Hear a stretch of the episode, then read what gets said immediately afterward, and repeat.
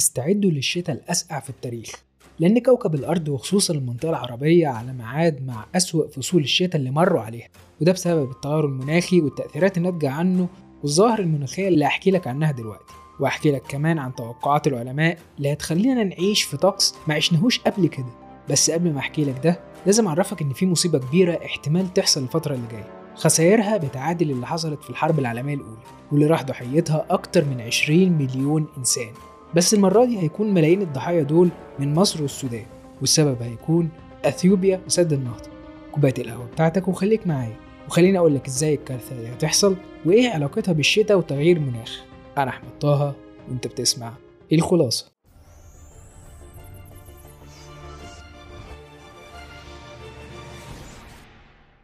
أهلا بيك يا صديقي العزيز في حلقة جديدة من الخلاصة. من بداية أول أيام الشتاء العلماء سجلوا أعلى درجة حرارة في التاريخ. ده طبقا للمركز الأوروبي للتنبؤات الجوية متوسطة المدى ده غير شهور الصيف اللي سجلت أكتر شهور حر في تاريخ البشرية. وأكد علماء المنظمة العالمية للأرصاد الجوية إن بنسبة 90% هتظهر تأثيرات ظاهرة النينيو بشكل واضح بداية من الشتاء ده واللي هتزيد بشكل كبير من احتمالية تحطيم الأرقام القياسية في درجات الحرارة. وده بيرجع لأسباب كتير أولها بسبب التغير المناخي اللي بتزيد تأثيراته سنة عن التانية. ده غير الظواهر المناخية المتطرفة اللي بيمر بيها العالم زي ظاهرة النينيو واللي اتكلمنا عنها قبل كده في حلقة النينيو والقبة الحرارية. هسيب لك link الحلقة في المصادر.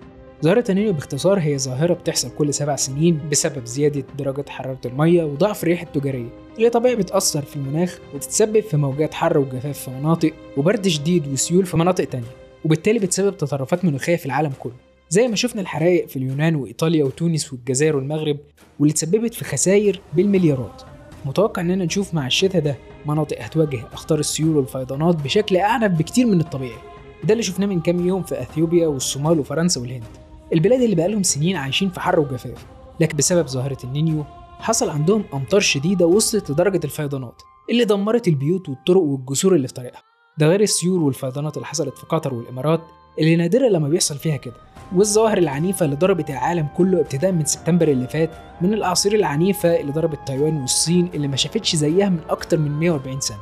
والعاصفة دانيال اللي تسببت في فيضانات في تركيا والنرويج والدنمارك واليونان وليبيا واللي ما حصلتش زيها في 30 سنة لدرجة إن مدينة درنة الليبية اتمسح ربعها تقريبا من على الخريطة. واللي زود الكارثة انهيار سدين في ليبيا كانوا بيحتجزوا كمية ضخمة من المية وراها واللي تسبب في مضاعفة حجم المية اللي تسببت في مسح جزء كبير جدا من مدينة ديرنا والسيول الشديدة اللي ضربت أمريكا والبرازيل وتسببت في خسائر اقتصادية توصل ل 84 تريليون دولار. ووصف حاكم البرازيل اللي أعلن حالة الطوارئ في البلد بأنها الأكثر عنفا على الإطلاق. بيتوقع العلماء أن تأثير ظاهرة النينيو هيكمل معانا ل 2024 وإن الاضطرابات والتأثيرات المناخية حدتها هتزيد زي السيول والفيضانات وهتكون أقوى وأشد من السنين اللي فاتت. ده غير توقع علماء الطقس إن المنطقة العربية هتعيش أبرد شتاء مر عليها في تاريخها. بس هل ممكن السيول والفيضانات دي تأثر علينا؟ رد جه من الجيولوجي المصري وخبير الموارد المائية عباس شراقي اللي حذر من خطر تكرار سيناريو درنة بسبب سد النهضة. لأن سد النهضة اللي شغالين عليه يا صديقي أكبر من السدين اللي انهاروا في ليبيا ب 3000 مرة. غير إن منطقة سد النهضة خطورتها أعلى بسبب الفيضانات السنوية والانحدارات الشديدة والنشاط الزلزالي الأكبر في القارة الأفريقية. فالسد مبني في منطقة زلزالية نشطة بتقع في منطقة الأخدود الأفريقي غير إنها منطقة بركانية مكونة من صخور بازلتية بركانية بتتحلل بمية الأمطار وحصل عندهم 8 زلازل في آخر خمس سنين وانهار عندهم أكتر من سد قبل كده واللي كان منهم سد جي بي 2 اللي انهار ثلاث مرات وآخر انهيار حصل له بعد افتتاحه ب 10 أيام بس في يناير 2010 ومع ذلك لسه مكملين في المشروع بتاعهم.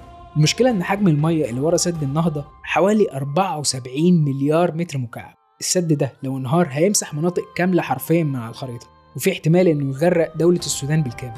والسودان هتتحول لبحيرة ضخمة وعدد الضحايا هيبقى بالملايين.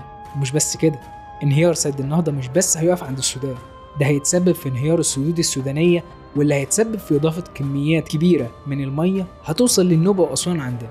ده اللي حذر منه علماء الاستشعار عن بعد وعلوم نظم الأرض بجامعة شامبتون الأمريكية.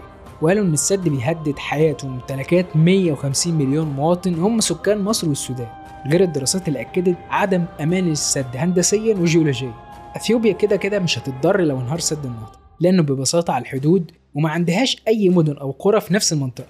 لكنه أعلى من سد الروسيرس السوداني ب 100 متر وبالتالي نقدر نعتبره سلاح مائي ممكن يتسبب في تدمير كامل للسودان. يعني زي ما لازم تعرف التهديد اللي جاي لك من سد النهضة لازم تاخد بالك برضه من الشتاء والبرد اللي جاي وهيمر على اخواتنا في فلسطين والسودان.